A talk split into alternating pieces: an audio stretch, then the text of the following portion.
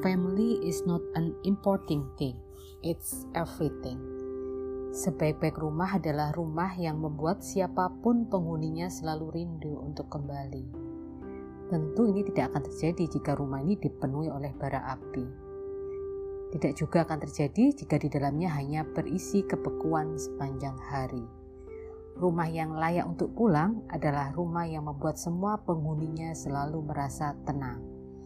Dan ketenangan ini hanya bisa datang dari perasaan syukur dan juga senang.